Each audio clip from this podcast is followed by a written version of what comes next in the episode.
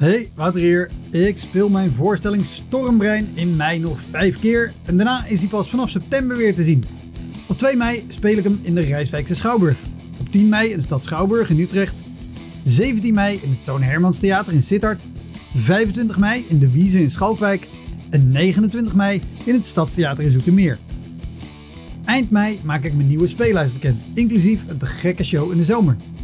Meld je via elektropodcast.nl of woutermonde.nl aan voor mijn nieuwsbrief. Dan weet je als eerste waar en wanneer ik te zien ben. Sowieso is dat handig, want dan krijg je elke maand één mail met erin een overzicht van alle podcastgasten, de columns die ik die maand heb gedaan en alle shows die er in de maand erop gaan komen. Welkom, mijn naam is Wouter Monde. Dit is de Elektra Podcast. Een podcast waarin ik met collega's herinneringen ophaal aan shows die ze liever waren vergeten. Genoemd naar het roemruchte jongerencentrum Elektra in Sliedrecht, dat ooit bekend stond als de comedy hell.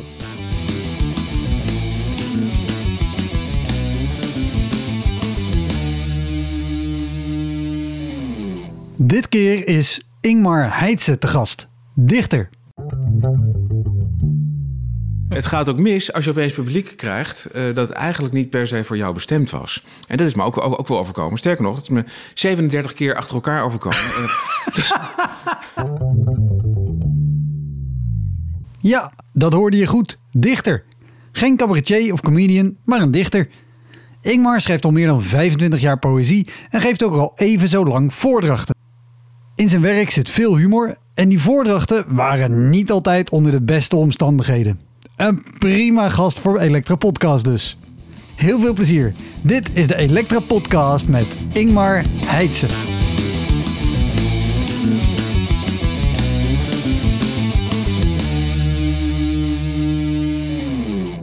Iemand tipte mij die zei: Joh, is het dan eens niet leuk om Ingmar Heitse een keer te vragen? En ik dacht: Ja, een dichter, oké. Ik geloof ongetwijfeld zonder meer dat je goede verhalen hebt. Gewoon op basis van een hele lelijke aanname over eh, voordrachtavonden, zeg maar. Reken maar.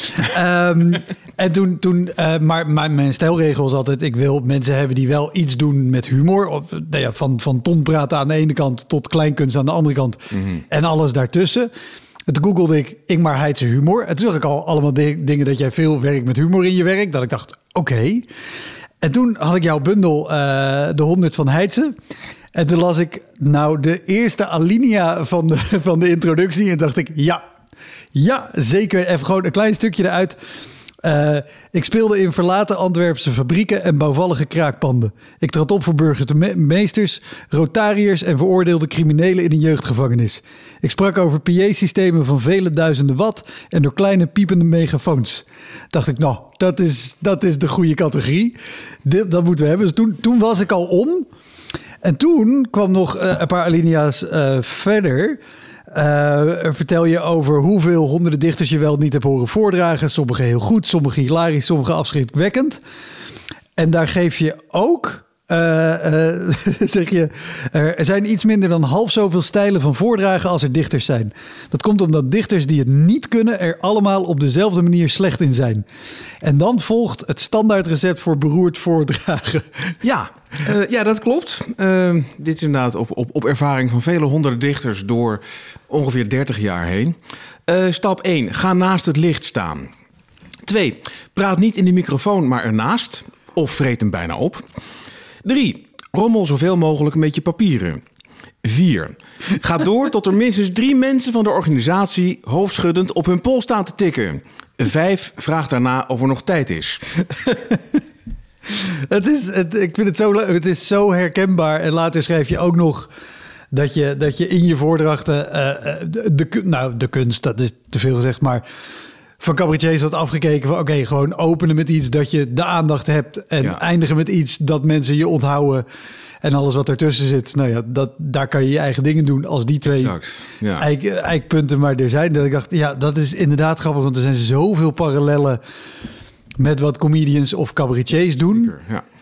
Dus, dus ik ben heel benieuwd naar alle plekken waar je de afgelopen 30 jaar hebt gestaan. En vooral waar je de komende 30 jaar niet meer zou willen staan. Ja, nou, ik, ik, heb, ik heb op wat uh, verhalen, denk ik. En het, het is waar, kijk, het, het gekke is, en daarom, daarom ben ik heel erg blij dat je er bent. Ben ik de eerste dichter in al die 160 keren trouwens? Je, je bent de eerste dichter? Ik vind het wel, ik vind het wel een mijlpaal. het, het, het, is zo'n bucketlist item wat ik niet wist dat ik het had. Uh, maar het is wel waar. Uh, de dichters die hebben natuurlijk komen anders een podium op dan, dan een muzikant of een, of een comedian. Uh, absoluut. En door de jaren heen is er heel veel veranderd. Um, maar het, aantal dingen zijn, zijn er ook weer uh, op een gekke manier hetzelfde. Je begint als dichter eigenlijk met meer krediet dan, dan een comedian, denk ik. In de zin dat mensen, als je als dichter wordt aangekondigd, dan gaan ze op zijn minst luisteren totdat ze hebben besloten dat ze er helemaal niks meer kunnen. Op zijn minst besluiten ze van we doen of we beschaafd zijn en we zijn stil, zeg maar. Ja. Uh, en je hoeft niet grappig te zijn. Op zich, mensen schrikken vaak als je dat alsnog bent of probeert te zijn.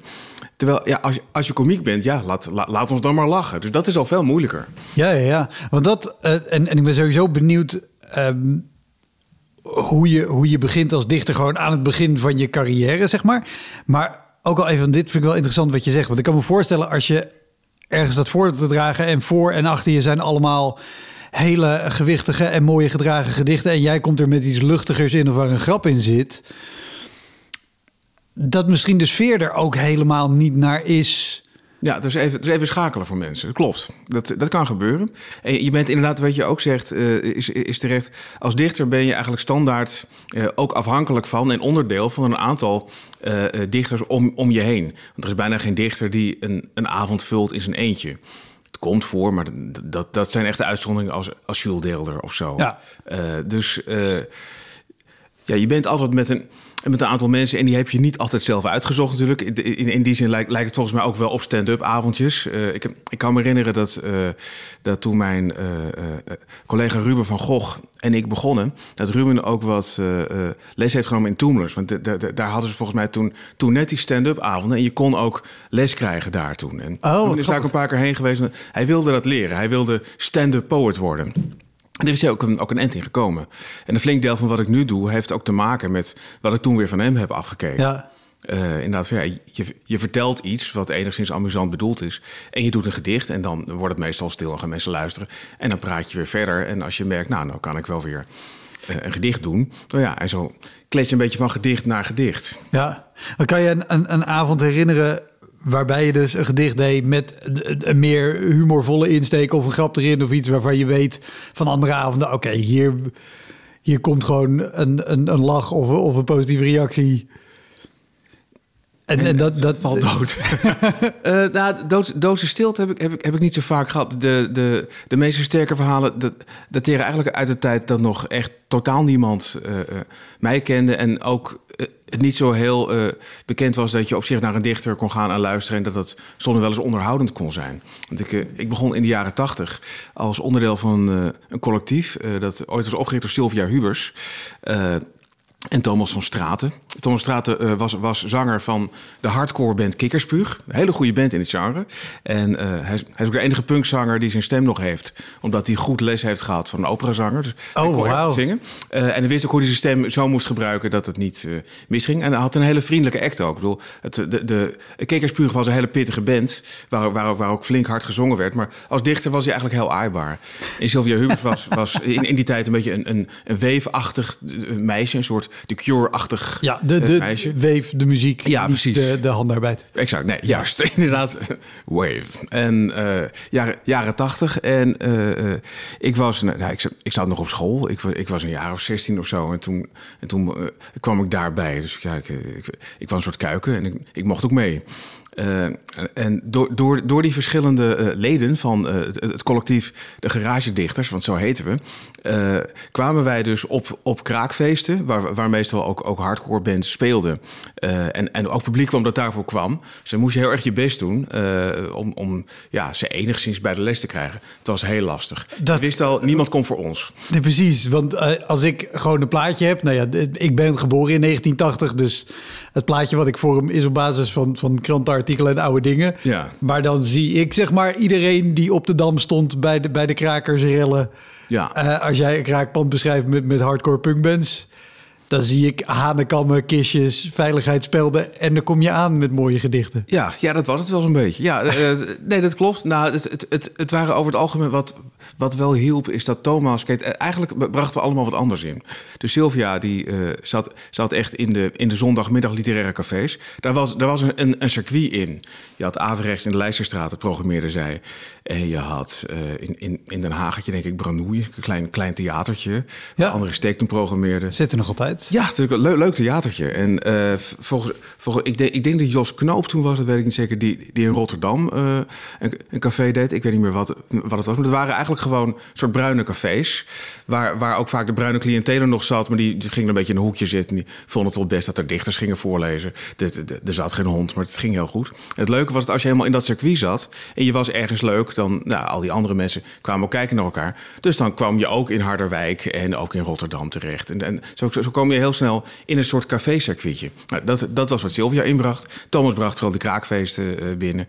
En toen ik helemaal ging studeren, uh, uh, bracht ik enigszins de, de, ja, de studentenverenigingen in.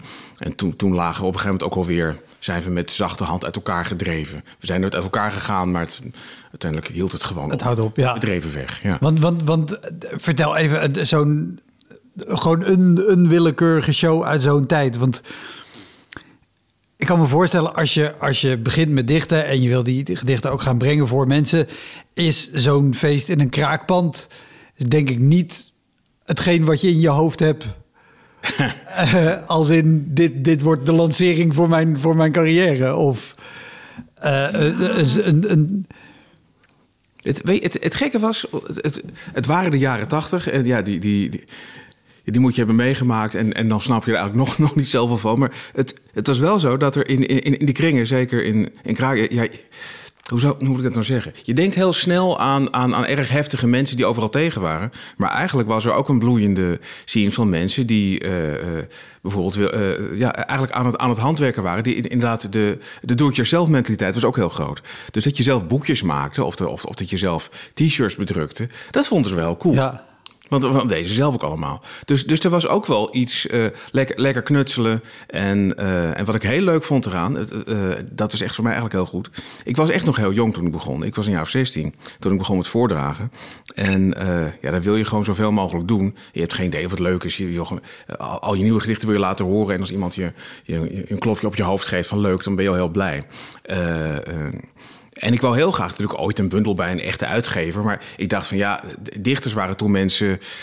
Ja, die waren allemaal heel oud. Die waren zo oud als mijn ouders, voor, voor mijn gevoel. En, en die zaten bij echte uitgevers en daar kwam je helemaal niet bij. Maar ik kon wel zelf boekjes maken in de copyretten. Of op het werk van mijn vader, die uh, nooit beroerd was om zijn, om zijn kopieerkaart zeg maar, aan mij te overhandigen. Te zeggen: ga jij maar naar de 17e verdieping en ga daar maar kopie, kopieën maken. Mocht ik het zelf in elkaar niet en dan had ik tien boekjes gemaakt. Zo, zo begon ik. Uh, en dat, en dat viel dus wel goed in die kringen. Uh, dat je gewoon alles zelf deed en niet ging zitten wachten tot, tot uh, uh, ja, laten we maar zeggen, de commerciële wereld en de platenlabels en de uitgevers, toch allemaal fascisten waren natuurlijk, dat die, dat die je een stempeltje moest geven, maar dat je gewoon helemaal zelf deed. Dat was ook leuk. En er waren heel veel mensen om ons heen, die deden dat ook. Ja. Dus op zich was, was de, de houding ten aanzien van mensen die gewoon alles zelf deden, was nog best positief. Maar ja, in een, op een kraakfeest waar ook een band speelt, komen mensen wel voor die band en niet voor jou. Dus het moest kort, het moest snel, het moest uh, snel grappig zijn, heel veel one-liners. Uh, en de kick was natuurlijk dat ze eerst riepen: we willen de band, we willen de band spelen. En dat je uiteindelijk uh, dat ze het toch leuk vonden. Dus het was zeg maar een totaal onwillig publiek omkrijgen. En daar leer je veel van. Ja. Ik heb er veel aan gehad later. Maar Steeds. En, en dat, dat gun ik je. maar ik wil natuurlijk weten van de avond dat het niet lukte om ze mee te krijgen verplaatsen wij ons naar Zoetermeer. uh, naar een soort bunker. Ik kan het niet anders omschrijven. De bunker heet Mevrouw Laten Staan. en daar uh, uh, is eigenlijk vooral niemand. Kijk, het, het, het grootste probleem van geen succes hebben was niet zozeer dat, dat, dat ze ons niet leuk vonden of doorheen praten, hoewel dat ook heel veel gebeurde. Maar gewoon dat er überhaupt helemaal niemand was. En dat je ook wist van ja, als we niet beginnen, dan, dan komt er ook niemand. Want dan komt er misschien iemand binnen en dan is er niks. En dan lopen ze weer weg. Uh, dus, dus, dus de twee standen in dat soort tenten waren... Van ja, er, er is niemand. Ja, dus je kan niet echt beginnen. Ja, maar ja, als je niet begint, dan komt er ook niemand. Dus die, die paradox was al een, eh, een, een, probleem. Ik herinner me ook nog in Voorburg in diezelfde tijd. Een, ik, het leek een beetje een bioscoop. Het was een soort gang. En er waren drie mensen gekomen. Uh, dat was een heel lang, diep theater. Een beetje, beetje werktheaterachtig, maar dan minder mooi. En ik was alleen met Thomas. Sylvia, die kon niet. Oude, oude theater Camus? Dat zou zomaar kunnen. Ja, Dus Voorburg. mij is dat zo, zoveel is daar niet. Ja. Het, het was best een mooie omgeving ook. En eh er waren echt drie, misschien vier mensen. En dus eh, ja, we werden eigenlijk al ontvangen met... nou, als jullie niet willen, dan hoeft het niet. Dan drinken we gewoon een kop thee en dan gaan, gaan we allemaal weer naar huis. Maar Thomas en ik dachten, ja, we zijn helemaal met de trein naar Voorburg gekomen. We willen het wel doen. Ja, en, en het was een, een, een donker hol. Eh, en dat, dat is ook iets. Als, wij waren meestal gewend, zelfs in die kraakpanden was nog wel een beetje licht, zeg maar. En in die, in die, zondag, in, in die zondagmiddagcafeetjes, ja, daar kon je gewoon... Ja, er was eigenlijk geen, geen podiumlicht, maar gewoon gezellig cafélicht. Dus kon je elkaar allemaal goed zien. En wij zaten in een donker gal te spelen. En dat deden we bijna nooit, want we stonden bijna nooit in theaters.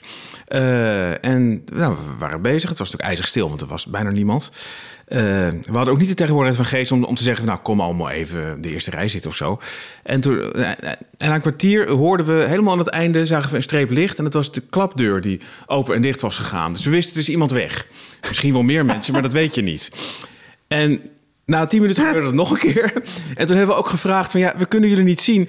Als er nog iemand is, want het, is ook, het was ook ijzig stil... k- kan de laatste die weggaat dat dan zeggen? Want anders gaan we door voor niemand. Nou ja. En toen hebben we... Ja, dit is gebeurd. En toen hebben we ja, uiteindelijk toch, toch maar een pauze ingelast. En toen ging het licht aan en er waren nog twee mensen. En die hebben we op het, op het podium gevraagd. Die vonden het hartstikke leuk. Dus hebben we gewoon met z'n allen in een soort... Ja, toen hebben we gewoon thee gedronken met z'n allen. En nog wat voorgelezen op verzoek. En, de- en het werd eigenlijk de leukste, eh, de, ja, de leukste avond ooit. Ja. Daardoor. Het was beren gezellig. Het, het- je kan met heel weinig mensen Ja. te gekke... Ik heb ooit, eh, volgens mij heb ik het ook al eens eerder in de podcast verteld... maar een avond in Leeuwarden gehad in een bovenzaaltje... waar vier of zes mensen waren. Dat we ook zeiden, ja, eigenlijk... Ja, kan niet uit. Het kan niet uit en wij kunnen zeggen, we, we annuleren... want volgens het contract krijgen we toch geld. Maar als jullie oké, dan doen we het toch. Maar dan doen we het korter. En het is zo'n topavond geworden. Ja, het kan. Het kan, maar, oh, maar ook dat je, dat je gewoon moet zeggen... wil degene die weggaat het zeggen, want anders staan we voor niemand. Het is, maar eh, eigenlijk is dat ook wel iets, eh, en dat, dat is denk ik ook wel de mazzel die je, die je als dichter hebt. Het is inderdaad wat J.C. Bloem zei, van alles is veel voor wie niet veel verwacht. Je verwacht al geen volle zalen. Eh, dat, dat komt nou eenmaal niet de poëzie af. Ja. Een enkeling die, die heel bekend wordt uitgezonderd. Maar voor, zeker voor ons toen, geen hond wist wie we waren. En dat was ook heel leuk. Want daardoor verwachtte ook niemand iets van ons. Dus ik vond, ik vond het eigenlijk een hele leuke tijd. En ik vond het meemaken van die dingen, ook als het echt best kloten was.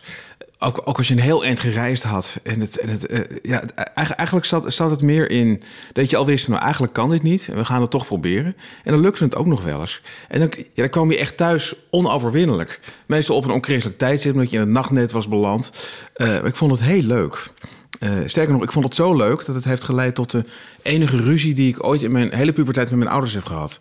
En ik zat in mijn examenjaar en mijn, en, ouders zagen mij twee keer per week om half drie thuiskomen uit Helmond of zo. En, die, die, en, en mijn vader zei toen van. Alsjeblieft eerst je examen halen. En daarna mag je de rest van je leven optreden. Want we vinden het echt heel leuk wat je doet. Maar haal alsjeblieft even dat examen eerst. Ik was heel boos. Maar dit is het enige wat mijn leven nou zin geeft. En ik trek het niet. En nou ja, eh, ja, hij had natuurlijk gelijk. En ik ben heel erg blij dat ik toen een keer heb geluisterd naar ze. Dat is echt de enige keer dat, dat, dat, dat ze echt iets wouden wat ik niet wou. Want verder vonden, ze- vonden ze alles leuk wat ik deed. Ja, Dus nou ja. eh, maar goed, de, de, de dingen die misgingen. Ja, eigenlijk ging het bijna standaard best vaak mis op dat soort plekken. Vooral jeugdhonken, voor- vooral gesubsidieerde tenten. Dat was eigenlijk altijd, die waren er ook duidelijk met een ander doel. Het was meer een soort soos. En ja, daar zaten dat mensen je- zo niet op je te wachten. moet je denk ik ook even omschrijven... want ik ken het uit, uit de overlevering. Ja. Eh, eh, dit circuit en, en Elektra, waar de podcast naar vernoemd is... Precies, is een van de weinige overgebleven plekken uit dat circuit. Ja. Maar om, omschrijf even voor iedereen zeg maar, die net als ik na 1980 geboren is... Ja. Wat, wat voor rol jeugdhuizen en jongerencentra hadden in, in zeg jaren 70, jaren 80? Ik, ik kan me voorstellen dat je... eh, stel, stel je voor een hangplek waar ze een bar in hebben geschroefd. Zoiets is het. Het, het, is, het is eigenlijk een soort buurthuis, maar dan voor jongeren. Meestal op plekken waar ook echt helemaal niets te doen is voor jonge mensen. Behalve dat normaal misschien één keer eh, per, per jaar komt spelen... En, en dat er een kermis is waar, waar je herpers op kan lopen. Dat is alles. dus eh, op een gegeven moment... En dat heeft is een goed jaar. dat, dat, dat heb je een goed jaar. En, en eh, op een gegeven moment is er toch, ik neem aan door, door, door, door meer, eh, ja, door socialistische eh, regeringen dan nu, eh, was besloten, ja, er moet iets komen voor de jongeren op dat soort plekken. Dus ja, er waren dan toch een soort sfeerloze plekken waar toch een, een buurtwerker aan de slag ging en waar je inderdaad wat kon drinken en wat, en wat blowen. Er was vaak nog wel iemand die een, een soort, soort gedoogde huisdealer en, en ja, daar kwam dan de jeugd samen. En die kwamen voor alles behalve voor dichters. Maar er was toch wel een soort culturele programmering. dat had denk ik ook wel te maken achteraf met subsidiestromen. Dat je af en toe zoiets moest doen, zodat je kon laten zien in een soort jaarverslag. Wat ook bij elkaar was gefantaseerd. Van nou ja, we doen ook dingen met literatuur. Dus nou, kijk ons eens. Dus, dus ja, we, we hadden ook wel een functie. We stonden ook voor bijna niks eh, ach- achteraf. Maar toch zat er wel een heel klein beetje geld in, zeg maar. Zeg maar nou, het treinkaartje kon eruit en, en er nog een paar geeltjes. En dat vond ik al heel veel. Ja. Ik bedoel, ja, ik had ook. wel- Ik, ik, ik was 16, 17 en toen ik begon. Ik had ook schoolvriendjes met de krantenwijk. Dan had ik het eigenlijk al beter voor elkaar. Dus zo, zo gek was het niet. Ja. ja het- we leerden gewoon veel. Ik, ik weet dat ik in, in ik, ik denk dat het Helmond was. In een tent stond die Rhythm Sticks heette. Eh, geen idee of dat nog bestaat. Maar dat werd een legendarische avond, omdat we ook totaal werden weggeschreeuwd. Eh, totdat ik ontdekte dat er een basgitaar op het, op het podium lag met één snaar. En die bleek te worden gebruikt door de band die na ons kwam. Dat was dan ja, een, een van de muzikanten. Die speelde dan met zijn voet. Gaf hij ook een soort rumble op die basgitaar. En dat was dan gaaf. Dus toen ben ik daarop gaan spelen terwijl Thomas ging voorlezen. En dat. eh, dat is heel gek, maar dat zagen ze allemaal zo niet aankomen. Dat ze het eigenlijk helemaal te gek vonden. Nou, dit is gek, omdat ze ook voelden van ja, ze, ze, ze proberen ook iets. En ja, ze proberen naar onze wereld toe te komen. Ja. En, en opeens lukte dat. Wat, wat, even, even, even het, het moment ervoor. Want je zei, we werden bijna Nou, het moment daarvoor was inderdaad van nou bier en, en ja, en, ja, inderdaad, ja, we willen de band en eh, ga, weg en hoe lang duurt het nog? En eh, ja, dat was al zo'n beetje, ja. Want waar ik en, en, en Speulen. Ik, ik weet het antwoord wel, want je zegt al, het was, eh, heel leuk en je wilt het graag doen en je bent jong en je schrijft Ja. gedichten en die wil je graag aan de wereld laten horen. Maar ook als je dit al zo vertelt, er zijn weinig mensen eh, of je staat voor publiek dat er waar waar komt de de eh, eh, doorzettingskracht en de, en, de, en de drang vandaan om toch door te gaan als je elke keer weer daar doorheen moet en, en, en weer ergens staat voor te dragen terwijl mensen er doorheen schreeuwen en roepen hoe lang duurt het nog en waar blijft de band? Om, omdat het af en toe lukte. En dat, en, dat, en dat was voor ons genoeg toen. En dat, dat helpt denk ik ook wel. Eh, eh, het waren voor mij eh, totaal vormende jaren. Ik bedoel, alleen ook qua leeftijd, maar ook qua schrijven. Ik heb ontzettend veel van Sylvia en van Thomas geleerd. Ook, ook hoe je moet optreden. En ook hoe je mensen op een nummer kunt zetten... zonder echt, echt gemeen of vervelend te worden. Of zeg maar, hoe je mensen inderdaad stil kan krijgen... tot op zekere hoogte. Want op een gegeven moment haakt dus... Ja, Gaat, lukt niet altijd. Eh, zon- zonder dat je echt heel vervelend of hotel wordt of mensen tegen je in het harnas jaagt. Dus ik, ik, ik leerde er zoveel van. Wat, wat is de, leuk. de heftigste zaal die je, die je stil hebt gekregen of hebt, hebt Dus geprobeerd te krijgen? Ja, ik, ik, ik, Helmond was wel erg. Ehm, nou, weet je, eigenlijk kwamen die, die vormende jaren. Eigenlijk was dat nooit zo erg. Het, het werd pas erg toen ik, toen, toen ik wat bekender werd. En ook, ook wel zo'n naam had hoog te houden in, in Utrecht. En dat er soms dingen helemaal buiten mijn schuld, vond ik in elk geval, misgingen. En het ergste was dat ik voor duizend mensen, waren duizend mensen, en, en die waren eh, voor een concert van Gijs Hendricks, een, fantast, een jazzgrootheid. God hebben ze ziel, een lokale, fantastische muzikant. Eh, en Ampie Lee. Die kwam spelen, ook, ook, ook heel leuk. Een soort Vlaamse Tori Amos, maar daar doe ik hem misschien geen recht mee. Maar hartstikke goed. Top acts allebei. In een totaal volle Domkerk. En de Domkerk heeft een galm van 3,8 seconden of zo. Dan kun je eigenlijk niet praten. Eh, dat lukt eigenlijk alleen als alles zo... eh, ja, als, als alles totaal echt op je stem is ingericht. Maar dat was niet zo, want alles was gecheckt op de muziek. Eh, en ik moest een column voorlezen en, en, en ze aankondigen. En ik had allemaal leuke grappen over Frank Zappa en weet ik veel. Ik allemaal leuke dingen bedacht. En vond ik in elk geval. En ze kon het gewoon niet verstaan. En ik had gewoon niet door dat ze het niet konden verstaan. Dus op een gegeven moment begon ik iemand te schreeuwen van... hou op, we kunnen je niet horen, kondig de muziek aan. en steeds meer mensen van, we willen de muziek. En, en, en, en toen dacht ik ook, ja, god, ze hebben gelijk ook. Maar ik was, het was zo verschrikkelijk, omdat ik dacht... in mijn eigen stad, in die Domkerk, zoveel mensen ook... Ja. die me gewoon totaal de mis in zien gaan.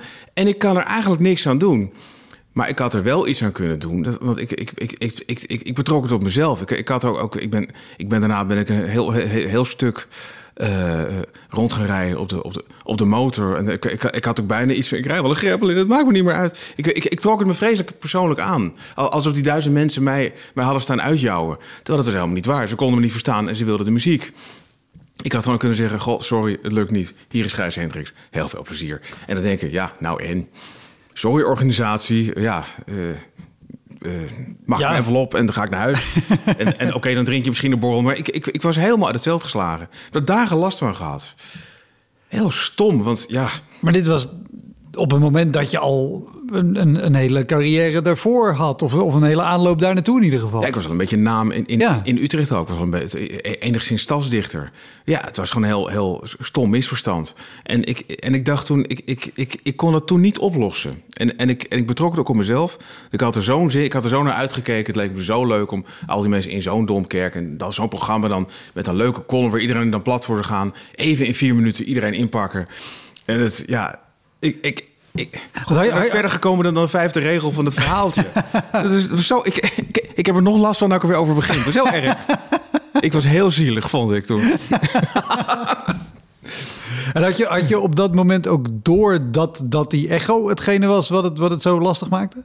Ja, het stomme is dat ik, uh, ik, ik was zo, duizend mensen is voor mij heel veel. Uh, ik dat zijn ook veel. veel ja. Maar uh, dat, dat, dat is zoveel dat, je, dat ik ook wel een soort, soort konijn in koplampen visie had. Het, het, was niet dat ik breed kon denken, want dat, dat, dat, heb ik langzaamaan begin ik dat te leren in, in de loop van de tijd. Van, ja, je moet eigenlijk bezig zijn met alles wat er gebeurt in een ruimte. En op het moment dat je oppikt dat er iets aan de hand is, of je er iets aan kan doen of niet, wat verder praten onmogelijk maakt, ja, dan kun je dat beter benoemen en kijken of je eruit kunt komen. En anders gewoon zeggen: God, sorry, ophouden. Maar in elk geval met opgeven hoofd en met enige sympathie nog van mensen aflopen. En, te denken: dit was het beste wat ik doen ja. Als je goed verliest, was het nog steeds goed, vind ik. Maar dat, ja, dat had ik gewoon helemaal niet in me. Dat snapte ik niet. Nee, maar het, het is ook iets... Ik vind het grappig dat jij het breed denken noemt. Ja. In comedy heeft iedereen het altijd over in het hier en nu zijn. En volgens mij is het exact hetzelfde. Het hetzelfde ding natuurlijk. Maar het is natuurlijk in wezen vooral dat je niet... Als je begint ben je natuurlijk zo gefocust met alleen maar... Nou ja, of voordragen in jouw geval, of uh, doen alsof wat jij vertelt, wat je vorige week bij de bakker hebt beleefd, eh, ook daadwerkelijk vorige week was. Tot je op een punt komt dat je dat inderdaad kan doen en tegelijkertijd nog alles op kan merken wat daaromheen gebeurt. Ja. Nou, dat, dat, dat is het gekke natuurlijk. Want ik, ik, heb, ik heb twee standen als, als, als dichter. Als, als ik zeg maar iets aan elkaar praat, die verhaaltjes die in die honderd van Heidse staan, dat zijn grotendeels dingen die ik gewoon op het podium langzaamaan bedacht heb in, in, in de loop van de tijd. En dat, dat is eigenlijk, ja, dan, dan moet je helemaal aanstaan. En ja, dan is dat hier en nu heel erg belangrijk. En op een gegeven moment moet je aanvoelen van, nou, nou kan ik hem wel doen. En, en, en dat gedicht voorlezen, ja, dat heb ik al zo vaak gedaan. Dat is eigenlijk gewoon inderdaad dat boek openslaan. En, en niemand vindt het erg dat je het niet uit je hoofd doet. En je vertelt gewoon je verhaaltje. Ja. Uh, en ik, ik heb eigenlijk tijdens het voorlezen heb ik, heb ik vrij veel tijd om na te denken wat ik straks ga zeggen. dat, dat, dat, is het uitrusten, zeg maar. Ja. Juist wat, wat mensen denken dat het ingewikkeld is, ja, dat is juist het makkelijkst. Dat doe ik de hele tijd. Ja. Niks is zo makkelijk als tien gedichten achter elkaar voorlezen en niks tussendoor vertellen. Alleen is dat veel zwaarder voor mensen om te luisteren. Want ik, ik, ik, ik weet van mezelf, ik kan niet meer dan vijf gedichten achter elkaar aanhoren. Als ik het al niet kan, weet ik zeker dat, dat, dat, ja, dat de meeste luisteraars niet tot de helft komen daarvan. Ja, ook, dan dwaal je gewoon Ik vind heel fijn. Ik, ik heb er steeds een paar gelezen en dan weer ja, weggelegd. Ja. het, is, het is poëzie, het is gecondenseerd. Ja. Het is niet iets wat je, wat je, wat je kan lezen als, als, een, als, een, als een pak Brinta. Dat bestaat niet. Je, je, moet, je moet een beetje ruimte nemen. En ook, ook, ook in voordracht. Ja. Dat is de reden dat heel veel poëzievoordrachten ook behoorlijk pittig zijn om, om, om aan te horen. De meeste dichters hebben, hebben, geen, uh, ja, hebben daar nooit over nagedacht. Komen gewoon uit het boekje voorlezen. En, en vertellen er ook dingen bij die niet helpen bijvoorbeeld, inderdaad, het bekendste voorbeeld dat Ronald Geerpart ooit gaf, dat, dat een dichter dan eens aankondigt en zegt van ja, dit gedicht schreef ik in een periode dat het niet zo goed met me ging. Zeg maar als, als ultieme no, no, als je, als je iets gaat voorlezen. Uh, Maar ook van ja, ik lees, ik lees nu uh, uit, uit, de cyclus van, van, van 17 gedichten uh, 3, 15 en 16. 3. Who cares? Okay. Lees gewoon die gedichten voor. En ja, ja, ja. Dat, dat, hoor je dus heel vaak. Dat, dat, dat dichters nog net het bewustzijn hebben van ja, je moet er iets bij vertellen.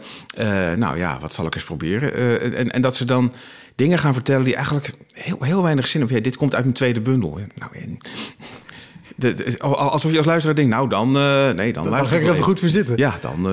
Dus dat, dat, is, dat is iets lastigs, zeg maar. En ze kunnen het niet helpen.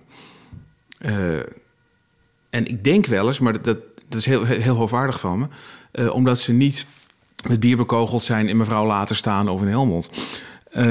ik, ik, ik denk dus dat, dat, dat die begintijd geholpen heeft om tamelijk nederig te worden. En te, en, en te beseffen, ja, het is heel onvanzelfsprekend dat iemand de moeite neemt om naar je te gaan zitten luisteren. Want je komt gedichten brengen. Dat is voor heel weinig mensen interessant. En er zitten meer mensen in die zaal dan mensen die alleen maar voor de poëzie komen.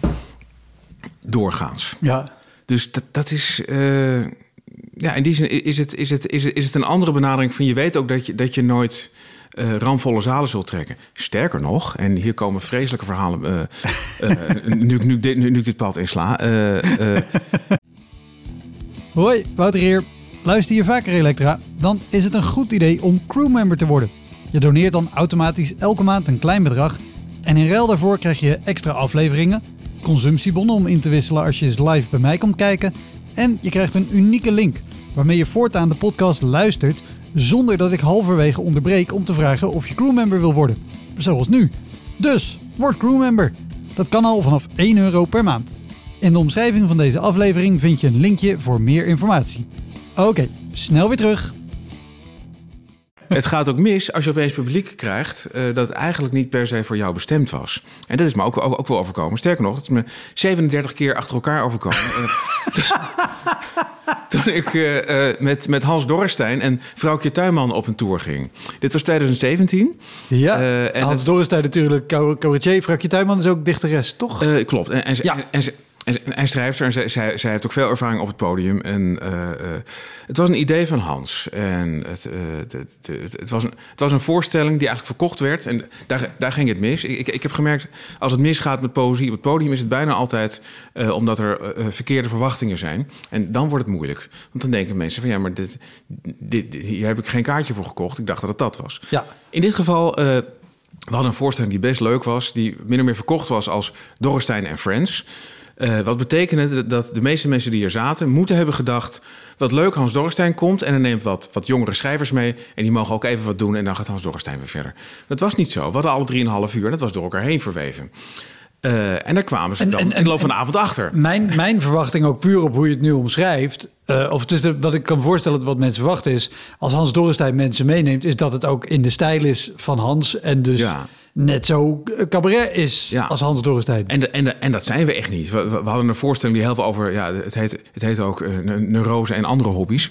Dus het, het ging over, over fobieën en neurose... Waar, waar, waar, waar we alle drie wel zo uh, flink wat ervaring mee hebben. Wel weer een van de pijlers onder het werk van Hans Dorrestein. Natuurlijk, ja. en... en uh, ja, het, was, het, het, was Hans een idee en, en, en het leek ons fantastisch. En het was ook fantastisch. ook daar kan ik alleen maar... Ik kijk er vreselijk blij op terug... omdat we dus alleen maar theaters uh, uh, bespeelden... waar alle faciliteiten zijn die ik als dichter nooit heb. Ik bedoel, je, je, kom, je komt als dichter ergens... In een, meestal in een, in, een, in een bibliotheek of, een, of, een, een, een school, of op een school. Dat doe ik ook veel je weet nooit wat er staat en of het werkt en, en, wie, en wie het bedient. En uh, uh, dit, dit, is ook, scholen kunnen ook, dit terzijde, scholen kunnen ook heel erg zijn. Ik, uh, ik onthoud de scholen voor dadelijk. Oude scholen even. Dat, ja, 37 keer. Ja, 37 keer met een neurose en, en, en, andere hobby's een, een, een avondvullende voorstelling die goed was bezocht. Want hé, hey, het is Dorrestein. Ja. En dus vrouwtje en ik beseften vanaf het begin van ja, wij liften mee met Hans. Wat leuk, wat een feest mooie voorbereiding, van, fantastische techniek. We hadden Huip, Huip Elenbaas bij ons. Dat was, hadden we uh, enorme klikken mee. Geweldige vent. En die heeft ons ook echt het vak bijgebracht. Uh, wat, wat, wat, je nooit leert is van nou, het licht hangt zo. dus ga daar staan. En straks als, je, als we met z'n drieën dat liedje gaan doen bij de piano. We mochten ook een liedje meezingen. de poep- en piesbeladen. dan moet je nou, in zoveel seconden daar zijn. Dan ga je daar staan. Jij gaat daar staan. En dan kunnen jullie elkaar goed zien. En al, al die dingen. Dat je nou elk loopje, dat dat gewoon klopt. Ja. En Hans eh, eh, vond het heel belangrijk dat het ook elke avond precies hetzelfde ging. Terwijl vrouwtje en ik dachten van, nou ja, als we een leuke grap tussendoor weten. Want dat ben je dus heel erg gewend als je dichter optreedt. Als je iets, eh, ja, als je iets invalt, die je denkt, nou, het is wel leuk om te zeggen. Ja, dan, en dan doe je dat. En Hans zei van, nee, ik wil dat we elke avond hetzelfde doen. Anders weet ik ook niet waar we zijn en wanneer ik het, het volgende in moet zetten. En het duurde een stuk of tien voorstellingen tot ik begreep dat hij ook gelijk heeft. Het is waar dat als je een voorstelling speelt, dan moet hij ook enigszins eigenlijk zo mogelijk hetzelfde zijn. Want dan ga je beter worden in wat je doet. Ja. Met z'n allen. Ja, en zeker ook als je zo afhankelijk bent van elkaar en het met elkaar verweven is. Ja. Dus, het, ik, heb, ik, ik heb daar pas, pas geleerd, dat is pas vijf jaar geleden, eh, wat het betekent als je inderdaad een tournee doet en een voorstelling speelt. En dat, je, eh, ja, dat de variatie er niet in moet zitten, dat je steeds de helft erbij verzint. Want dan wordt de rest ook gek. Dus, nou ja, maar het probleem was, eh, ja, mensen kwamen daar niet voor. En dat leverde in een enkel geval op dat mensen het echt heel verrassend vonden. En echt van, nou, we hadden iets anders verwacht, maar wat was dit leuk? Eh, maar de meeste mensen, eh, zeker degene die eh, online recensies achterlieten op, op verzoek van het theater. Dat, dat was dus allemaal een halve ster, één ster, nul sterren. En letterlijk, we hadden iets anders verwacht. En, en, ook, ook allemaal dingen waarvan ik dacht, hoe kan je daar nou klagen? De stoelen waren te hard, het was te koud in de zaal. het, het, het duurde te lang. eh, de dichters waren niet leuk. Waarom deed Hans Dorres zijn zo weinig? Nou, dat, toen begon ik langzaamaan te begrijpen van... oh, iedereen denkt dat hij een hele avond speelt... en dat wij een gedichtje doen en, en Ja. is. En dus ik, ik begreep toen ook van... oh, maar daar komt het door. Ja, misschien was die voorstelling ook niet goed. Ik vond hem heel goed en heel leuk om te spelen. Maar hoe, hoe was dan, Ja. dat dan op de avonden zelf? Want dan, dan merk je dit sentiment toch ook... dat er een groot deel van de mensen in de zaal denkt... Ja, doe nu Nou. maar weer Hans. Nou, ze deden wel leuk mee, toch? Nee, het is niet dat... eh, nee, dat, dat is toch... Dat, eh, dat viel mee en dat komt denk ik omdat je eigenlijk... eh, althans, ik, ik merkte toen dat je in het theater... Ik had het wel eerder gemerkt, maar toen werd ik er eigenlijk een paar keer per week op gewezen.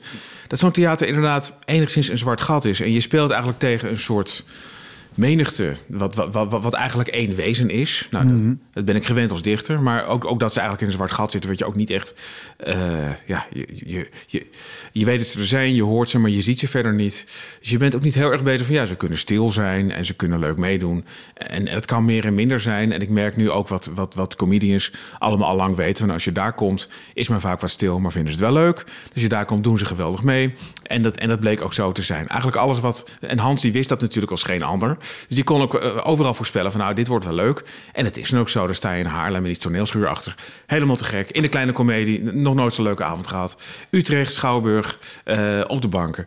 Allemaal te gek. Dus we hebben een aantal heel succesvolle shows gedaan. Maar ja, dan, ja, je komt ook in Horen en, en, en, en, en, en Leeuwarden. En, en, en daar ja, wordt er gewoon heel anders mee omgegaan. Of, of in Den Helder. Er waren ook altijd mensen die het leuk vonden. Eh, Brabant ging heel goed. Dat, dat hielp ook wel weer om dat vrouwtje ook ook uit die contraille komt misschien. Maar, Ja. eh, of, of dat de humor daar gewoon extra goed valt. Ik weet het niet. Het was ook niet per se een dijenkletsen van een voorstelling. Het, het, het was best grappig, maar het was geen doorlopend lach of ik schiet. Ik denk dat als je Hans Dorrestein eh, solo hebt, dat de grapdichtheid hoger is. Ja, ja, ja. Eh, dus ja, het, het was enigszins een literaire voorstelling. En mensen hadden gewoon iets anders verwacht. En, eh, dus het was eigenlijk het, alleen, ja, ik was er toen wel enigszins in indoctrineerd dat ik ook besefte van, nou, dit, dit is niet alsof je in een domkerk staat en je niet eens verstaanbaar kan maken. Je staat gewoon voor mensen die iets anders verwacht hadden. Eigenlijk, eh, ja, we speelden het gewoon. En het was niet dat we het gevoel hadden van, ja, we hebben iedereen belazerd. Dat kwam pas, pas in de loop van de tour. Dat, dat vrouwtje en ik die recensies begonnen te lezen op die, op die, ja, die staan dan ook in het openbaar op die theaterwebsites. Hans las dat allemaal niet, gelukkig. Eh, dus die, die had volgens mij ook al heel lang geleden besloten van, nou, daar kijk ik gewoon niet naar. Dat is beter. Ja. En, en, goddank, want dan was hij waarschijnlijk gestopt na, na 15 voorstellingen. Dan was hij waarschijnlijk gewoon van, nou, weet je wat, we ontmantelen dit. Als je ze wel leest en je hebt wel enigszins dat gevoel van... Nou, niet, niet, niet dat je bewust de boel aan het belazeren bent... maar dat je wel beseft, er zijn mensen die dat gevoel hebben. Nou, hoe, hoe ga je dan show 35 en 36 nog het podium op? Ja, ik vond, ik vond het wel moeilijk. Ehm, maar ehm, het was eigenlijk net, net als bij de garagedichters. En eh, eigenlijk mijn hele loopbaan. Van als, als, als dingen moeilijk zijn. Uh, ik, ik, ik, er staat zoveel tegenover. Ik vond alleen al het toeren. Naar zo'n theater rijden. En daar heel erg op tijd zijn. En checken. En, en, en, en lol hebben met Huip. En, en, en, en een beetje rondlopen. En in, in, in een of ander raar, raar cafés gaan drinken. Kijk, kijken wat ze daar nou weer doen. Ik vind het zo'n leuke manier van leven. Dat ik dacht, ja, oké. ik, ik ben niet met de meest een succesvolle voorstelling uh, blijk, blijkbaar bezig. Nou, sowieso niet uit, uit de loopbaan van Hans. Uh, en, en, en dit zal waarschijnlijk ook... Ik, ik, ik dacht ook wel, net als vrouwtje, van... Dit zal waarschijnlijk ook wel de laatste keer zijn dat we ooit zoiets mogen doen. Dus laten we er gewoon van genieten. Uh, ja. ik, vond, ik vond het een heerlijke tijd. en misschien is dat ook wel iets... ik heb ook nooit het gevoel gehad... dat, ik, dat ik mensen belazerde, omdat ik dacht van ja, in feite als dit verkocht is, ik heb nooit gezegd dat het Hans Dorrestein en Friends is. Zeg maar, het, het, het is niet. Ja. Uh, je, je, komt er langzaam achter dat het blijkbaar zo werkt. En ik weet nog heel goed dat ik een vijf sterren recensie zag van een voorstelling van Veldhuis en Kemper. Uh, en heel veel enthousiaste recensies. En ik dacht, laat ik eens lezen wat er over geschreven wordt. En we zagen dus heel vaak van, we zijn er heel goed. We zijn al voor de vierde keer uh, geweest. En het was weer als van ouds. Ja. En toen besefte ik daar komen dus heel veel mensen voor. Ze willen dat iets als van ouds is. Ze willen iets wat ze, wat ze, wat ze kunnen herkennen. En dat begrijp ik eigenlijk heel goed. Die willen 90 minuten uh, man-vrouw humor.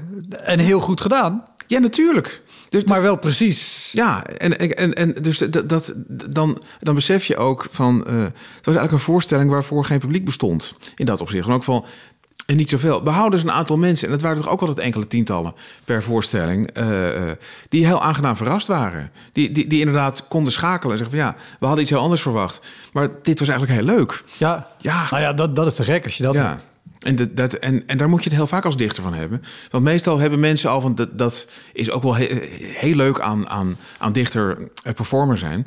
Uh, hele volkstammen van mensen weten nog steeds, zijn vaak meegesleept naar zoiets van ja, gedichten, dat zal weer niet meevallen. En, en, dan, en, en dan zijn er wel dingen waarom ze moeten lachen. Of, die, of, of, of waardoor ze misschien ontroerd raken, raken als, ik, eh, als ik een beetje me hum ben en goed voorlees die avond. En dan zijn ze dus heel aangenaam verrast. Dus je begint als underdog en er is heel veel te winnen. Ja. Je kan niet van een voetstuk vallen. Wij niet. Hans Dorrestein misschien wel. Ja. Aan de andere kant, dat is zo'n icoon. Die heeft er verder volgens mij ook verder geen, geen, geen, geen, geen imago-schade door, door geleden. Ja, uh, Nee, die is ook wel op een punt dat hij denkt, nou dit vind ik leuk om te doen. Dit ga ik doen. Kijk maar of jullie het ook leuk vinden. Ja, en ik, ik, ik vond het, vond ik, het was zo leerzaam. En zo. Het was echt heel leuk. Plus, we hebben echt een aantal shows gespeeld waar ik, waar, ik, ja, ik droom er nog wel eens van. Ik, ik, heb, ik heb gitaar staan spelen in, in, in de kleine komedie, man. Ja. Terwijl, terwijl Peter de Bos in de, in de zaal zat. Het was een liedje van Clawboys Claw dat ze, dat ze hadden gemaakt voor vrouwtje die een gedicht zong daarop. Dat is een beetje sluitstuk. Ja, en, en Peter was natuurlijk de zanger van Clawboys Precies, Ja, ja en, en, dat, en dat Peter dan heel, heel hoffelijk en heel aardig komt zeggen van... Hey, ik kan best goed gitaar spelen. Terwijl ik weet dat het niet zo is. maar dan denk ik van... Maar hij heeft het wel tegen me gezegd. Wat ontzettend aardig. Ja, wat te gek. Ja. En heb je, want dit, dit, dit zijn shows waar je nog van droomt. Heb je shows waar je, waar je nog wel eens een nachtmerrie van hebt? Ja, die Domkerk, daar sta ik nog wel eens. nachtmerries. En, en er, er zijn er wel meer hoor. Uh, het, uh, vaak in de. Uh, vaak in de pophoek. Op een gegeven moment was er een... Uh, Utrecht in studentenstad natuurlijk. Dus er is een uh, nou, vrij, vrij, grote en, en actieve uh, uitdagencommissie. Dus dan lopen er duizenden studenten rond hier. Ja, de, de introductietijd van de universiteit hier zo. Ja, en het was op een gegeven moment heel erg groot. Ze hadden op het Smakkelaarsveld, wat toen in gebruik was daarvoor... hadden ze een concert en daar zou... Dit is echt lang geleden. Daar zou spelen Direct en die waren net doorgebroken. En van ja. Dick Hout.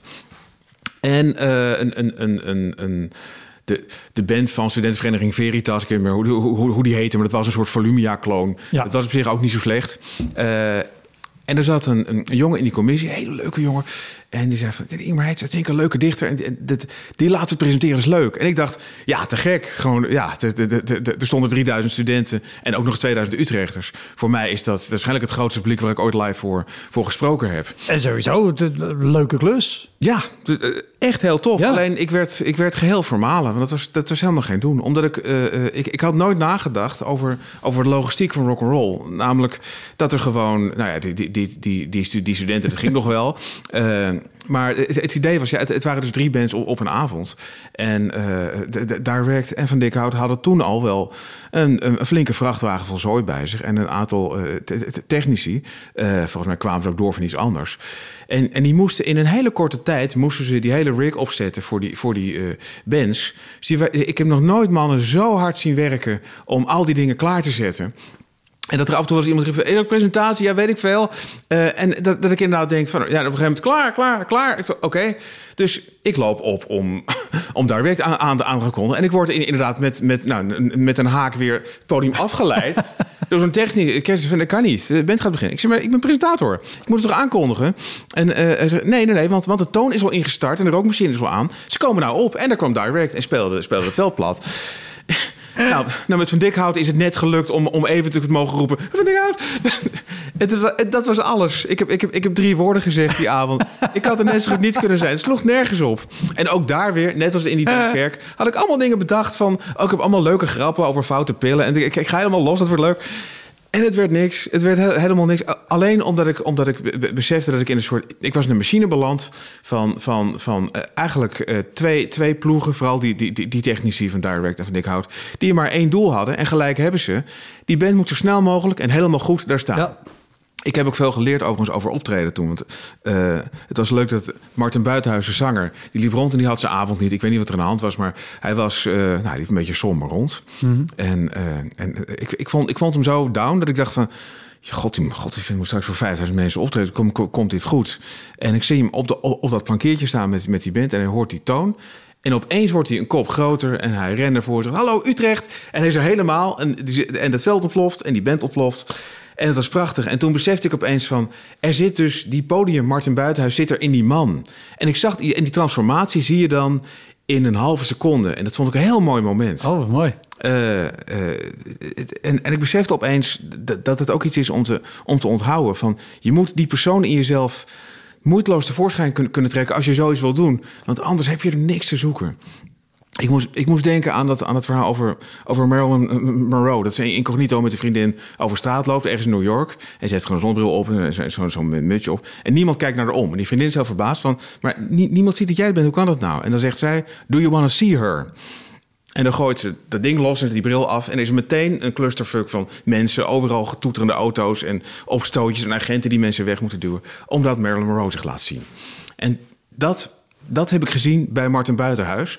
Verder zijn het hele andere mensen, Marilyn Monroe, Martin ja. Buitenhuis. Maar uh, dat je inderdaad iemand in jezelf wakker moet, moet roepen, een soort uitvergrote versie van jezelf. Maar je bent het wel zelf, want anders ja. mensen het niet. Maar de, ja, ik vond het zo leerzaam. Ik denk dat iedereen zo... Nou ja, het lastige natuurlijk, in ieder geval met comedy en cabaret... is dat je wil dat degene die je tevoorschijn tovert... wel heel erg lijkt op degene die je sowieso bent. Ja.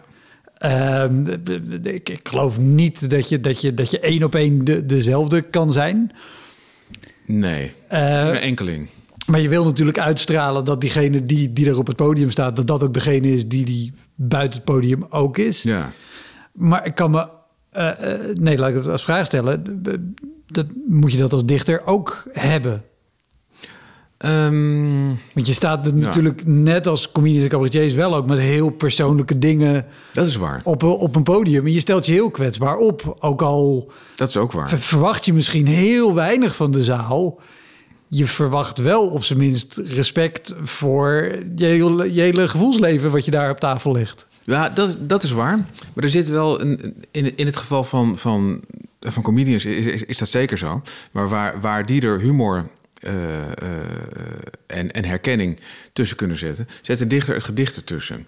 Dat is ook zo van, eigenlijk breng je een gedicht, en daar zit van alles van jezelf in, dat, dat kan niet anders. Maar als mensen het gedicht niet mooi vinden, het is bijna alsof het alleen, alleen een schild verkruimeld is, en dan zit je zelf nog redelijk intact achter. Van oké, je kan iemand zegt, ik, ik, ik, ik, vond het een kut gedicht daarom en daarom, dan zegt hij niet, jouw emoties deugen niet, of, of, ja. of je met een huilenballer. Hooguit, ja, het, ik, ik kon niks met dat gedicht. Dus een gedicht is ook wel een soort schildje. Het is wel iets wat er... Uh, wat, je, wat je ertussen zet. Zeg maar. het, het, het, het, het is wel een, subtiel verschil. Want je begint natuurlijk wel met, met het gevoel. Ik, ik, kan, ik kan me voorstellen als je aan het podium komt en iemand zegt: Ik vond die grap niet leuk en die grap niet leuk en die grap niet leuk. Dat je wel denkt: Nou, ook niet leuk. maar dat je, dat je niet blij bent met dat soort commentaar. Uh, Maar toch zie je, ja, ik, ik weet het niet. Hoe, hoe zit het met jou? Denk, je- denk je dan, ik deug nergens voor? Of, of, of, of denk je, nou ja, goed, eh, blijkbaar kwam het niet over vanavond. Nee, ik, ik denk dat het, dat het eh, een gemeenschappelijk iets is wat je, wat je moet Juist. ontwikkelen. Eh, eh, of het nou comedy is of, of gedicht of weet ik wat, om daar verder in te gaan, is dat je die twee los van elkaar Ja, kan zien. Want als je, nou ja, zeker ook omdat je natuurlijk door zo'n eerste periode heen moet van op slechte plekken spelen, ja, ongeacht de vorm. Je moet dat naast je neer kunnen zetten. Want als je je heel erg aantrekt en denkt, ah, weet je, je gaat een keer slecht en je denkt, mensen vinden mij niet leuk en mensen vinden mij een stom persoon. Dan, dan moet je lekker gaan squashen of iets anders Zo gaan doen. het, Dan moet ja. je niet elke keer weer die, die pijn op gaan zoeken. nee. Me ook, ja. Dus, dus je, je komt op een punt dat je dat... Nou, maar dat neemt niet weg dat er... Het, het, kan, het kan wel gebeuren dat je dus afkomt en denkt... Oké, misschien heb ik het toch al gewoon een paar jaar helemaal mis... en is alles wat ik doe toch verschrikkelijk. Nou, ook het, het, ik, ken, ik ken het gevoel wel. Het, het, is vrij recent. Ik, had een, ik, had een, ik mocht drie kwartier praten tegen. En volgens mij waren het eh, leraren Nederlands en, en mensen die voor een educatieve uitgeverij werkten. Het was in het Rijksmuseum, waarom weet ik niet, maar er is een soort aulaatje. Eh tenminste, vergelijking met het Rijksmuseum is alles daar verder heel klein. En, en, en, en, het was een leuk zaaltje en ik had er ook echt zin in. Het ging over poëzie en het onderwijs. En ik had een heel aardig Dead Poet Society-achtig verhaal, dacht ik. Ik had alleen heel, slecht geslapen, want er was een kind ziek. Maar op zich mag dat geen, geen excuus zijn. Ik had er echt zin in en ik begon eraan en ik kwam er gewoon niet uit. Ik, ik hoorde mezelf wauwelen en het ging ook niet meer over. Ik- Op een halverwege heb ik ook gezegd... het is wel erg van de hak op de tak, hè, dit. Ja, jawel, maar we vinden het toch wel leuk, hoor. Ze, sleepten er een beetje doorheen. Ze waren eigenlijk hartstikke aardig. Van me. Toen ben ik inderdaad naar buiten gekomen en gedacht... dit was niet zo best en ik heb het alleen maar aan mezelf te danken. En ik kan wel zeggen dat ik een beetje moe was, maar lukte me niet. Ja. Ik hoorde mezelf best kletsen. Heel vervelend. Ja, Ik, ik, en, en het komt denk ik omdat ik te weinig... eh, het, het, het, was ook, ook niet per se de bedoeling om, om gedichten te doen. Had ik maar een paar gedichten gedaan... dan had ik wel van het een naar het ander kunnen gaan. Maar ja maar lopen ben je, kloten. denk ja. ik ook een soort je, je, je vaste houvast Ja. kwijt, of niet? Blijk, blijkbaar kan ik het niet zonder gedichten. Dus dit, dit is wel een, een les weer. Maar toen... eh, Je bent een wel- dichter. Het is niet zo heel gek. Ja, het is waar. Nou, sterker nog, ik begin het wel. Ja, je zou zeggen, waarom snap je dat dan niet? Maar eh, ik snap dat nog steeds niet. Ik, ik had, ik had eh, eh, zeker acht maanden aan een, aan een toneelstuk gewerkt voor, eh, voor Bellevue. De Wane heet dat ding. En, en het lukte me maar niet om, om, om het af te krijgen. En we hadden, hadden een geweldige dramaturge, Janine Brog. Dat is echt een naam in die wereld. En, die- en die zei inderdaad letterlijk toen van... "Ja, je bent toch dichter? Schrijf dan maar gedichten. Dan maken we er wel een toneelstuk van. En dat is ook gebeurd. En toen lukte het wel. Oh, wat grappig. Ik kan dat dus nog steeds niet... Ik, ik, ik, ik, ik denk nog steeds van... nee, maar dan moet ik iets heel anders doen. Terwijl ik kan helemaal niks anders. Het is het enige wat ik kan. Wanneer onthoud het nou eens? Blijk, blijkbaar hebben dichters toch ook gewoon een core business. Kennelijk wel, ja. En, en, en, en, en, en zijn ze in dat opzicht heel erg beperkt. Ik kan met taal eh, erg veel, vind ik zelf. Tenminste, ja, ik, ik, ik word er zelf blij van. Eh, en ja, voor de rest mo- moet ik, moet ik ook beseffen dat daaruit alles voortkomt. Ja, Eh, oh ja, wat die scholen betreft. ja, oh, hoe zou ik dat zeggen? Op, voor, voor, weet je, dichters en schrijvers hebben heel vaak. is, is een deel van hun werk via de schrijverscentrale op scholen optreden. En er zijn heel veel schrijvers en dichters die dat heel leuk vinden. Ik vind het ook te gek altijd. Eh, en er zijn schrijvers en dichters die dat niet zo vaak doen. En ook wel met reden, omdat ze het gewoon ook een beetje moeilijk vinden. En het kan ook heel moeilijk zijn. Het ergste wat ik heb meegemaakt is dat ik naar... klinkt eh, voor, voor mij, maar het is gewoon, en het is misschien ook heel eenzijdig hoor, maar het beeld wat ik heb, nou ja, wat ik ook al heb als ik comedy moet doen voor pubers op een school, dat ik denk, die zitten er niet op te wachten en Exact. dat is niet mijn wereld. Ja, ze komen er niet voor. Dat- maar ik, ja. ik denk als je, als je een gemiddelde klas pubers laat kiezen en zegt, oké, wat willen jullie? Willen jullie een comedian of een dichter? Dat ze zullen kiezen voor een comedian. Dat denk ik ook. Dat weet ik eigenlijk wel zeker. Dus, dus dat Ja, lijkt me voor, niet. voor een dichter helemaal zo oké. Ja, het wordt, het wordt nog erger. Het, het, is, het is namelijk ook zo dat ze vaak een dichter, of een schrijver trouwens, vragen. eh, om, omdat ze bezig zijn met een project rondom poëzie. Dus het is vaak ook voor de leeslijst, zeg maar. Dus het is vaak ook zo dat ze een aantal gedichten hebben moeten, moeten analyseren. Eh, en, en, en dan komt de dichter ze ook nog eens doen. Ja. En dat, dat, dan heb je meestal wel een goede binnenkomen als je al begint met. Sorry van die analyse, dat heb ik ook niet bedacht. En, ik, heb het zelf nooit gedaan op mijn eigen werk. En dan, dan, dan ontdekken ze dus dat je als dichter niet op die manier over, over poëzie nadenkt. En dat het best nuttig is om zo naar poëzie te kijken. Zeker als je er een beetje les in wil krijgen. Maar nou ja, eh, op zich, ik kom alleen die gedichten maar doen. Maar er zijn maar twee dingen gebeurd die me blijven achtervolgen. Althans, in, in dromen. En één ding heb ik zelf heel erg verkloot. Dat was heel erg. Daar schaam ik me nog steeds diep voor. En het andere is iets uh, waarvan ik denk, ja, dat was gewoon een, een sukkel van een leraar. Uh, wie, wie, wil je eerst? Mijn eigen schaamte of de sukkel van de leraar? laten we beginnen met de leraar. Oké, de leraar uh, gaf les op een gymnasium en ik denk dat hij moest invallen. Uh, uh, hij wist dan ook van niks van me. Maar hij stelde me voor een klas van... nou, er is een dichter en die, die gaat een uur met jullie uh, aan de slag. En toen vroeg hij aan mij... vind je het goed dat ik achter in de klas proefwerken ga nakijken? en toen had ik natuurlijk moeten zeggen... nee, ik zet je eruit of nee, je moet meedoen, wat dan ook. Maar ik, ik, ik, ik dacht totaal niet, niet over na van... ik dacht, ja, waarom niet? Laat hij mijn proefwerken nakijken. Die ging achter in de klas proefwerken nakijken. Het bleek een beetje pittige klas. Ja, dat kan ook wisselen, maar dat hoeft niet een probleem te zijn... Uh, maar wat dus uh, bleek, is dat ik ze totaal niet bij de les kreeg. Waarom niet? Hun eigen leraar had al zo weinig interesse voor mij ja. dat die proefwerken ging nakijken. Dus toen besefte ik van ja, als de leraar waar ze, naar, waar ze nog enig ontzag voor moeten hebben, uh, iets anders gaat doen, ja, dan mogen zij dat dus ook. Precies. Ik had me eruit moeten flikkeren. Maar ja, dat heb ik niet gedaan. Dat was heel dom van me. Toen ik van ja, dit, dit was echt. Maar ik dacht ook, wat is dit voor lul achteraf? ik heb het ook wel gemeld in wat vriendelijker uh, woorden aan de leiding van. Uh, dit wil ik zo niet meer doen hier. Want dit, dit, dit, dit ja, dit, ik, ik, ik krijg geen kans op deze manier. Zeg maar, hij, hij had dan beter gewoon weg kunnen gaan. Maar ja, in de klas iets anders gaan doen terwijl ik probeer uh, iets. Dus dat, dat was erg. Maar goed, daar had ik ook wel niet aan mezelf te wijten.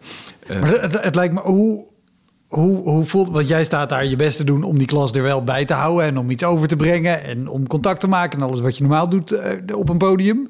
Ja. En, dan, en dat lukt niet. En dan zit zo'n kerel achterin. Ja, zit een beetje te schrijven. Ja. Maar dat, dat is toch ook super frustrerend? Ja. Niet? Het is, het is heel frustrerend. En, uh, uh, en het stom is, ik had echt niet door van het begin. Ik, ik, ik, ik, het leek me eigenlijk zo. Hij vroeg het ook heel aardig. Ik dacht, nou, ja, ik, ik dacht, waarom niet? En pas toen hij er zat, bedacht ik... Nee, het is, het, domste wat je had kunnen doen. Dit, dit, natuurlijk gaan ze niet naar jou luisteren. Hij luistert toch niet naar je. Wat staan die kinderen? En toen dacht ik, oh, wat, wat stom dat ik dat niet, niet zou... Dat is me ook nooit meer overkomen. Hoe, hoe... En het overkomt me ook trouwens... Nou, ik, ik word bijna altijd gevraagd door leraren die het hartstikke leuk vinden... en die ook uh, uitgerekend mij of een paar collega's, want ik ga ik wel eens samen met, met collega's zoals Ellen Dekvis bijvoorbeeld. Uh, en en dan, dat, dat is meestal een dolle boel. Ja. ja. Uh, want die leraren zijn heel enthousiast en er zijn de leerlingen dat ook, want zo werkt het. En hoe, hoe, hoe heb je dan zo'n zo'n les afgerond? Dit, ja, in, in, in, in wanhoop. En, uh, en, en, en, en, vijf minuten voor tijd. We halen de bel gewoon niet. Van, nou, ik, ik, echt, ik, ik, ik, keek er mijn horloge van... Ja, we hebben nog vijf minuten. Heeft er nog iemand die... Nee, ik ook niet. Tot ziens. Ik heb ze echt... ze, vertrokken zonder een woord. dat is echt... Jezus. Oh. Het, het, het ja. voelt heel erg als, als, als huiskameroptredens... waar je ook niet echt een goed einde kan maken... omdat je geen coulissen hebt. Nee, ja, je, je, kan, je kan niet weg, ja. Je kan alleen maar... Dat was het. Ja. Bedankt, tot ziens. Ik ga nu in de keuken staan. Ja, dat, dat is, ja. Of ik dat ook nog wel wat vind hebben, trouwens. Ja, maar, dat, maar goed, dan, dan zit je ook met, met volwassenen. Dat vind ik ook alweer ja, wat anders dan met... Dat, dat, het is ook iets anders. En, en, en het is ook wel, kijk, het, het blijft, het blijft een, een, een, voordeel van het dichterschap dat je op zich, je bent inderdaad iemand met een paar boekjes bij je en je gaat gewoon voorlezen. En dat kan echt overal en altijd. En, en dat, dat heeft iets heel ongedwongens. Ja. Uh, wat dat betreft. En, en, je hebt toch wel standaard de aandacht mee. Want ik heb, ik, heb ook wel gemerkt, als ik met muzikanten werk en wisselen dat af, dat je dat ook, uh, dan treedt een soort codering in die heel lastig is, vooral in een café. Ik lees een kwartier voor, het is muis stil, mensen reageren goed. Dan gaat er in muziek maken, dan gaan mensen babbelen. Terwijl, terwijl ik, er wordt muziek gemaakt voor jullie. waarom hou je de kop niet? Uh, dat, en, en niemand denkt dat. Het is gewoon code. Ja. ja. bij een dichter ben je blijkbaar stil. En als iemand dan gaat spelen, dan is blijkbaar pauze of zo. Dat is en, heel gek. En, en omgekeerd, uh, wat ik, voordat we gingen opnemen, hadden we het ook even over het verschil tussen, uh, tussen bandjes en, en zonder bandje op het podium ja. staan.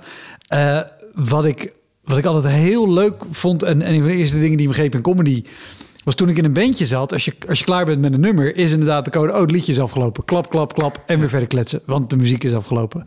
Ja. Terwijl bij, bij comedy, en dat zal bij gedichten niet anders zijn... of in, in wat voor vorm de reactie ook is... maar de reactie die je, die je oproept daarmee... is zoveel eerlijker. Zeker. Want niemand gaat denken... oh, dit, dit klonk als een grap. Ik hoorde nu een punchline. Nou ja, dan zal ik nu maar even lachen voor de vorm. Want dat hoort nou eenmaal. Die komt alleen maar als die reactie erop recht is. Niemand gaat ja. doen alsof. Dat is waar. Dat. En, en dat vond ik altijd heel erg... Die, die lach is...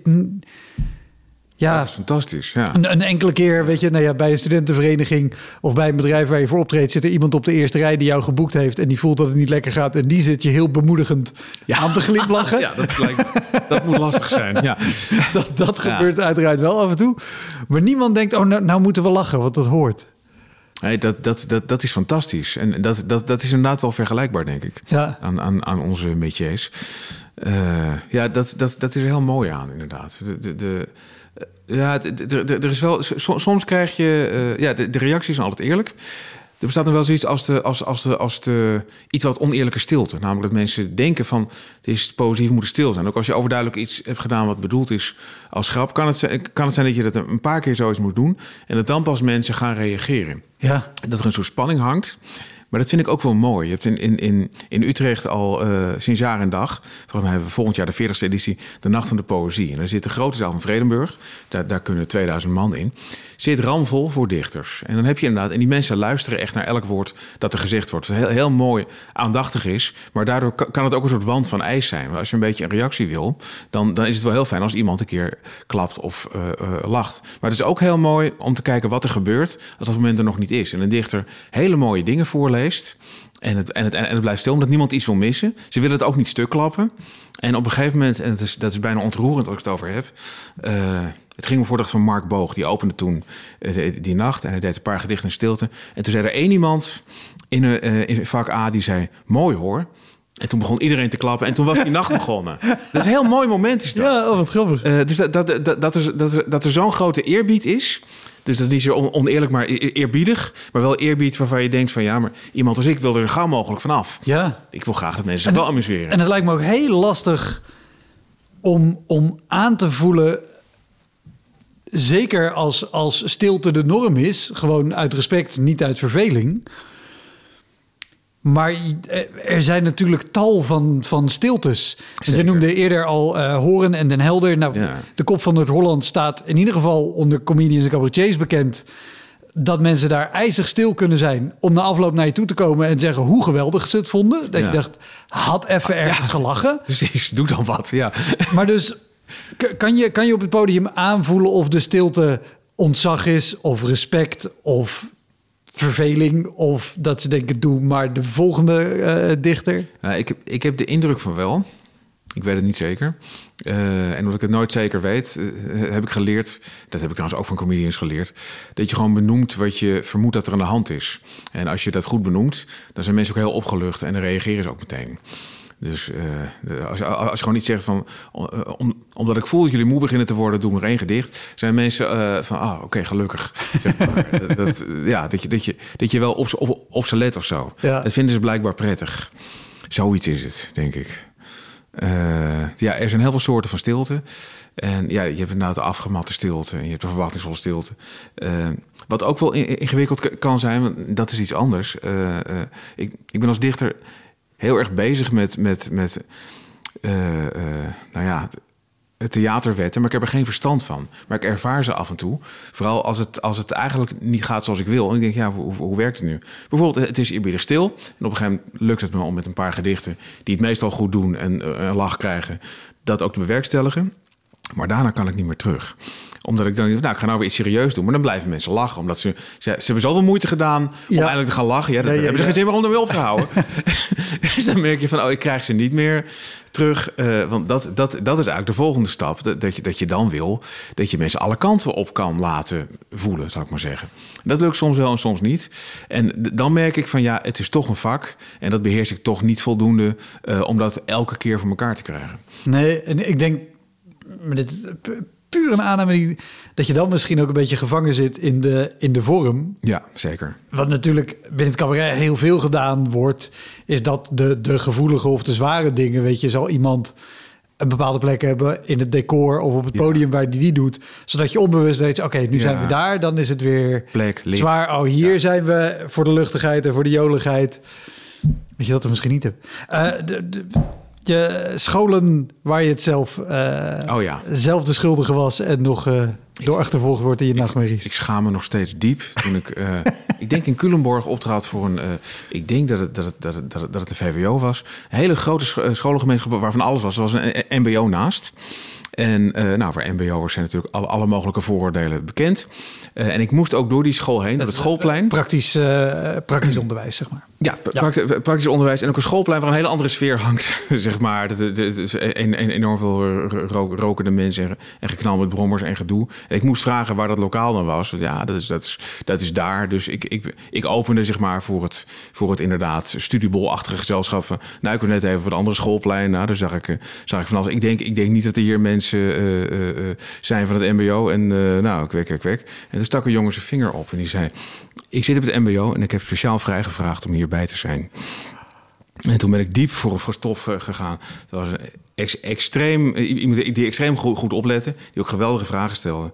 En ik eh, besefte dat alle vooroordelen die ik zelf net had verspreid en, en had, omdat ik, omdat ik over het schoolplein had rondgebanjerd, dat ik die, zo- ja, die, die, die vielen voor mijn ogen in duigen. Want Ja. had gewoon iemand die totaal anders in elkaar zit. En toen besefte ik opeens, je kunt overal mensen treffen die iets met poëzie hebben. En het omgekeerde is ook waar. Je kunt ook in gezelschappen verkeren dat je denkt... nou, hier leest iedereen wel eens een boek waar mensen er helemaal niks mee hebben. Je kan er niets over zeggen. Ik ben diep voor het stof gegaan en ik schaam me nog steeds... dat ik dat toen zo heb, heb aangevlogen. Het was verder een hele aardige jongen. Die, die er ook wel, hij snapte het ook wel, dat, ja, dat, dat, dat de basishouding... eh, niet echt poëzie-minded is op een mbo. Maar ja, bij, bij hem toevallig wel. Hij had echt zijn best gedaan om erbij Ja. te zijn. En vond het wel- goed.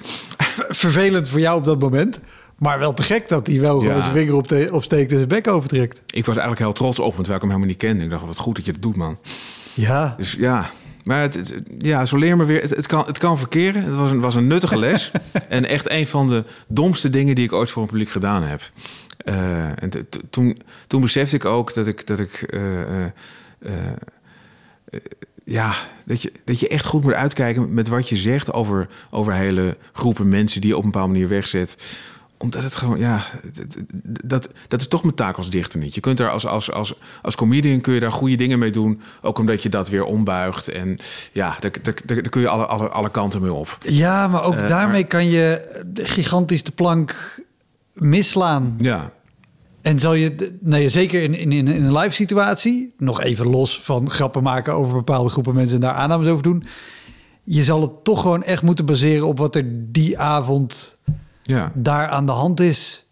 En, en hoe die groep reageert. Eh, zelfs, eh, nou ja, ook al een, een Horen of Den Helder. Ja. Moet je toch erin gaan en het beoordelen op de avond zelf. En niet al denken, het zal wel weer stil worden met aan het einde misschien een compliment. Gelijk heb je, denk ik. Dat, is- dat, ja, dat is natuurlijk zo. En sowieso, doe, doe met wat er is. En dat, dat, dat leer je al snel als dichter. Want ja, ik, ik weet dat ik op een gegeven moment in, in een... eh, eh, er- ergens in de zoveelste coronacrisis, eh, lockdown moment... Was, wa- was net bekend geworden dat, dat, dat zalen weer open gingen voor 30 mensen. En ik sprak Stefano Keizers toevallig. Die, die was heel erg in mineur. Dus zei van ja, ja, daar heb ik niks aan. Daar, daar, daar kan ik niet toe. Ter- ter- Terwijl ja, ik, kon, ik kon hem zeggen van ja, dichters zijn heel erg geschrokken van het nieuws. En die krijgen nooit 30 Hoe moet ik mensen de 30 man been. bij elkaar? Ja, Ja, ja. dat is niet te doen. Dat lukt ons nooit.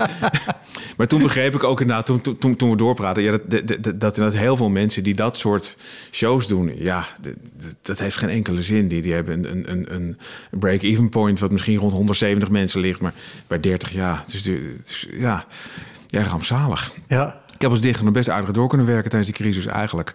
Achteraf. Heel veel dingen gingen niet door, maar ja, heel veel dingen konden toch ook vrij snel weer wel. Gelukkig, ja. La- Laag vliegen, op weinig mensen mikken. Het heeft zijn voordelen. Top, dankjewel. Jij bedankt.